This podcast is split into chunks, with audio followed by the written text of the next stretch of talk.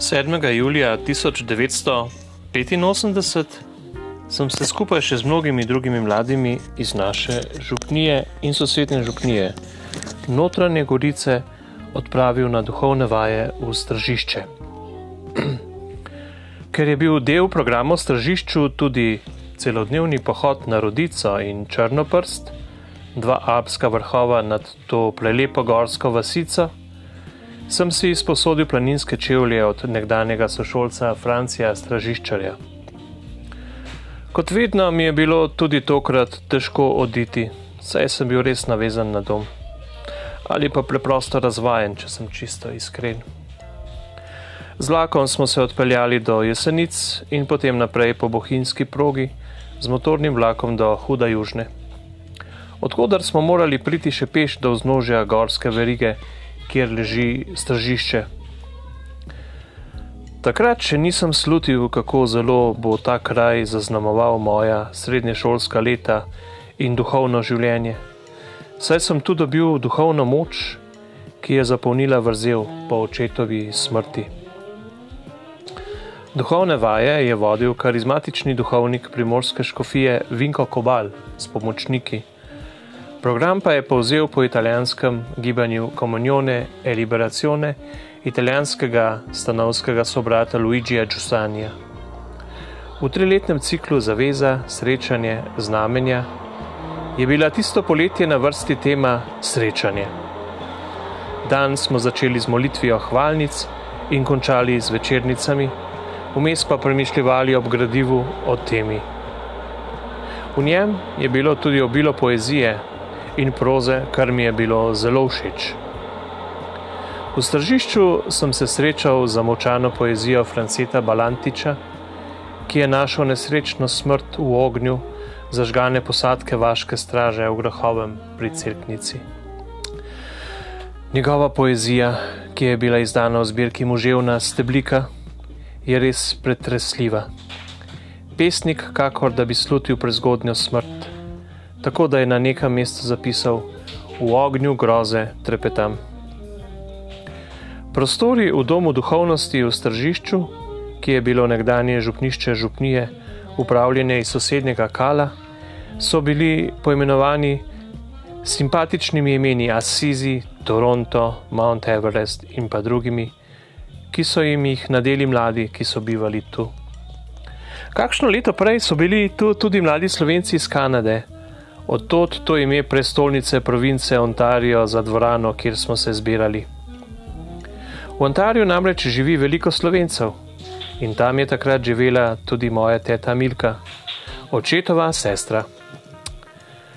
Duhovnik Vinko se je znal približati mladim ljudem ter jim približati Kristusa in veselo oznanilo.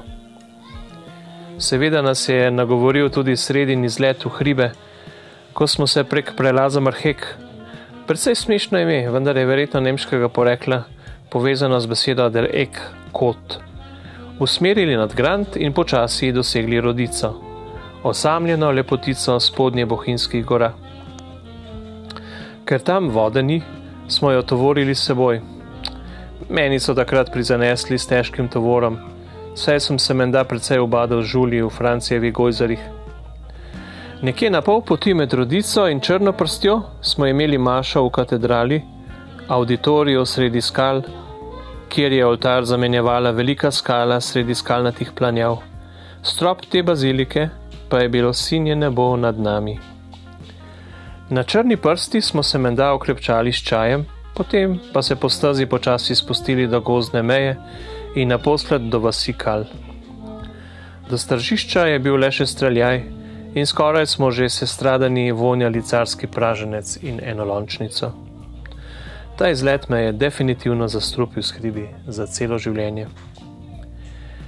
Teden se je iztekal soboto zvečer, ko smo imeli čudovito bogoslužje vode, luči in svetlobe pri potoku na ovinku proti kalu. Sklenili pa smo ga z mašno daritvijo. Mnoge med nami so premagale solze ob občutanju velike božje ljubezni. Bil sem srečen, ker sem spoznal veliko novih prijateljev. Še posebej sem se razveselil naklonjenosti mladine iz Komna.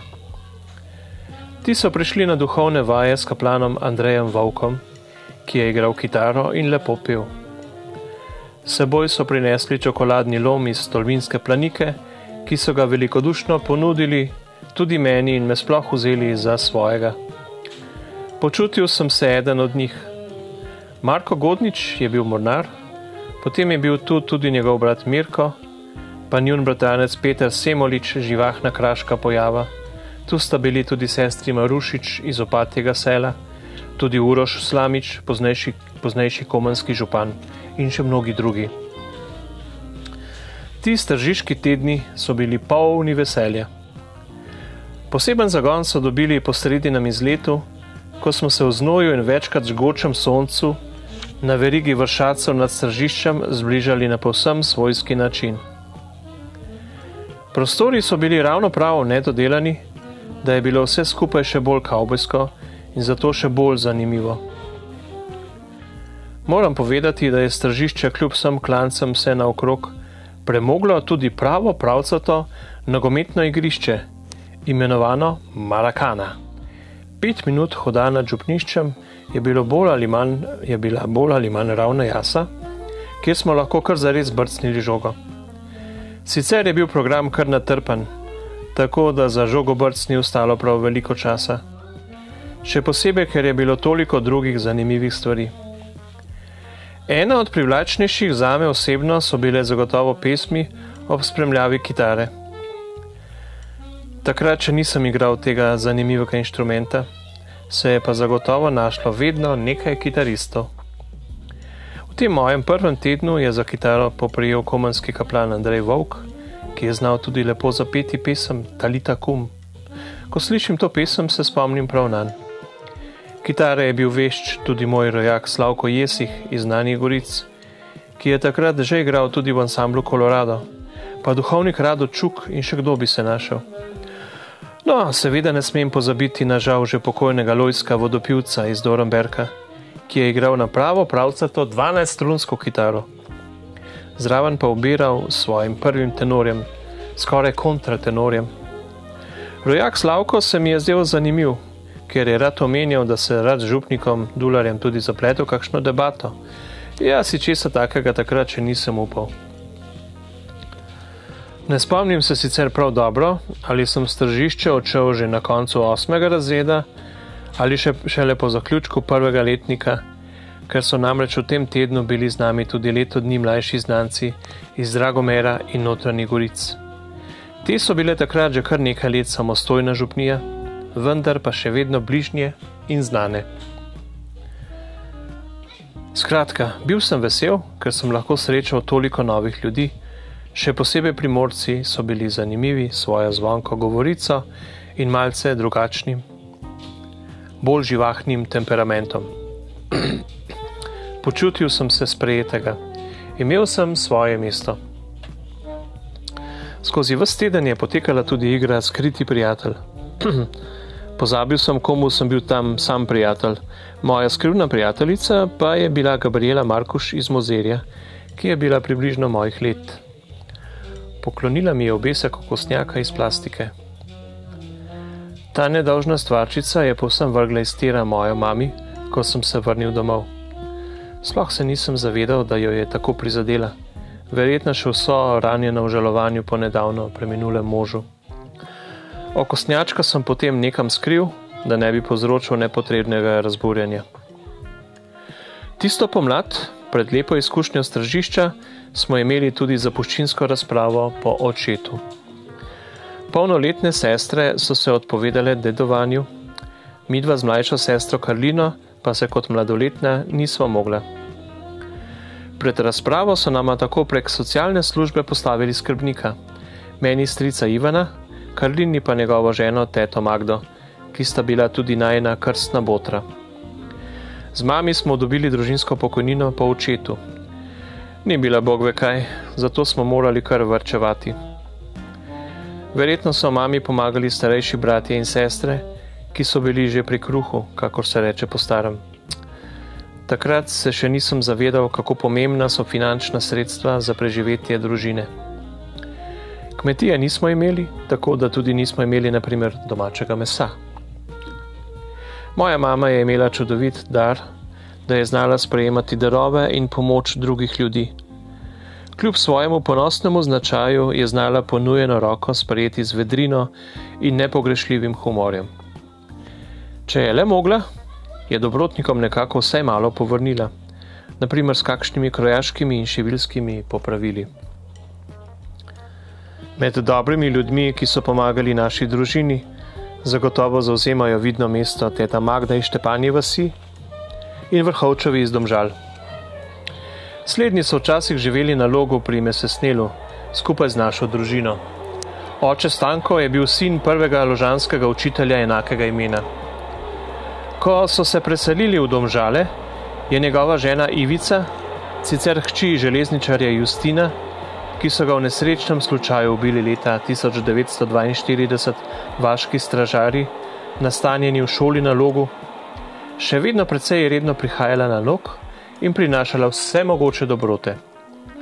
Otroci smo se seveda najbolj razveselili sladkari, ki nikoli niso manjkale. Moj brat Andrej je celo nekoč potožil: Daj bo prišla ta Ivica, sem že tako lačen. Sestra Karlina pa je začela Ivanko vrhovec klicati teta mama in tako je ostalo. Prepričan sem, da so si ti ljudje svojo dobroto zaslužili obilno plačilo na onem svetu pa čeprav morda ne verujejo v posmrtne stvari. Oče Stanko je bil nasprotno celo prepričan komunist, ampak tiste prave, neokrnjene sorte. Med vojno je mnogo pretrpel v fašističnih zaporih zaradi svojega prepričanja. Kakorkoli že, vrhovčevi so bili naši družinski prijatelji in tako je ostalo do danes. Mami je v času po očetovi smrti iskala način, kako bi pozabila na to bolečo rano. Očetova ljubezen, očetova bolezen ju je zbližala. Vse se je zgodilo tako hitro. Oče se verjetno tudi sam ni zavedal, kako hudo da je bolan. Mami je večkrat omenila, kako da je na enem od obiskov spraševal po ljudeh iz krajovne skupnosti Lok, ali so prišli po Japlju, Brumatu in drugih. Mami pa mu je odvrnila: Ciril, nobenega ni, samo jaz sem tukaj. Kot vsak normalen zakon sta imela tudi starša veliko problemov z medsebojnim razumevanjem. Preživeti tako veliko družino res ni mači kašelj, zato je prišlo večkrat tudi do nesporazumov in blažjih prepirov. Verjetno je bilo za mami, tako kot za vse nas otroke, še toliko bolj boleče, ker je Ati odšel tako nenadoma. Tako kot je zapisano v verzih Nila Prta, bobnarja kanadske rock skupine Rush. Suddenly you were gone. Res, odšel je kar naenkrat. No, naša mati so se torej na jesen leta 1985 upisali na teološko-pastoralni tečaj na Teološki fakulteti v Ljubljani. Ta tečaj je bil zasnovan v pomoč bodočim katehetom. Mami je imela vedno veselje za delo z otroki. Zato je verjetno nagovarjanje župnika Dularja za tako odločitev padlo na plodna tla. Spominjam se, kako je potem vedno z veseljem pripovedovala o zanimivih predavanjih dr. Snežne Večko, Karmen Ocepek, Stanka Gerjolja in drugih. Mislim, da so ji te vsebine, povezane z Bogom, vsaj malo zapolnjevale praznino, ki je z vso ostrino zavela po očetovi smrti.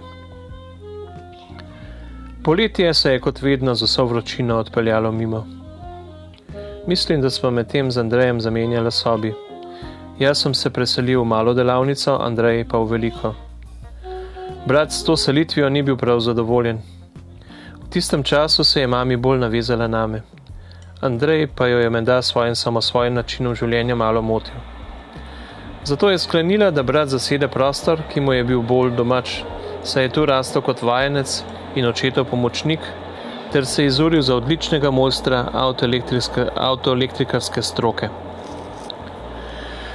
Tisto poletje je v moje življenje vneslo še dobrodošlo spremembo, saj sem se počutil predvsej samega. Viljeva družina je kupila hišo v Dragomeru na Lazah 32, ena od tistih montažnih hiš, kakršne so zrasle na močvirni ravnini pod starim Dragomerjem. V glavnem je šlo za Marlesove tipske hiše, kjer je bilo pritličje zidano, zgornji del pa montažen. Tako sem se nekega sončnega dne napotil s kolesom v Dragomer in si tam ogledal, kje živi moj sošolec Vili. V neposrednji soseščini je živel tudi Tone Brlan, ki mi je takoj posodil nekaj zanimivih plošč. Mislim, da je bila med njimi tudi Ocean Street Boulevard, plošča Erika Claptona. Posebej se mi je vtisnila spomin skladba Please Be With Me. No, pot s kolesom Dragomer, ki me je vedno vodila nekje mimo nove šole in travnika blizu skladišča PTT, kjer je tudi v največji vročini hladno zavelo, je postala stalnica.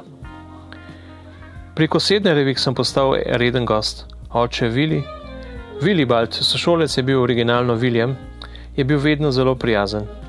Mama Milka me je večkrat postrigla, delala je v domu starejših občanov za Bežigradom, kjer je skrbela za manikuro in pedikuro oskrbovancev. Viljeva sestra Andreja je bila vrstnica moje mlajše sestre Karline. Pri Kosednarevih pa je živela še Milkina mama Marija Recek, doma iz Vadarcev na Goričkem. Njej so rekli Moma, kakor je poprek Mursko stara mama. V Dragomeru smo skupaj s Tonijem veliko poslušali glasbo. Tukaj sem se prvič srečal z glasbo skupine YouTube, katere velik ljubitelj je bil prijatelj in sošolec Vili. V tistih prvih mesecih obiskovanja sva z Viljem igrala še igrice na spektrumu, naprimer Jet Set Vili ali Pijama Rama. To je bil zame še vedno višek računalništva. S pikom in pokom, ukazoma na gumasti tipkovnici, se nisem kaj prida ukvarjal.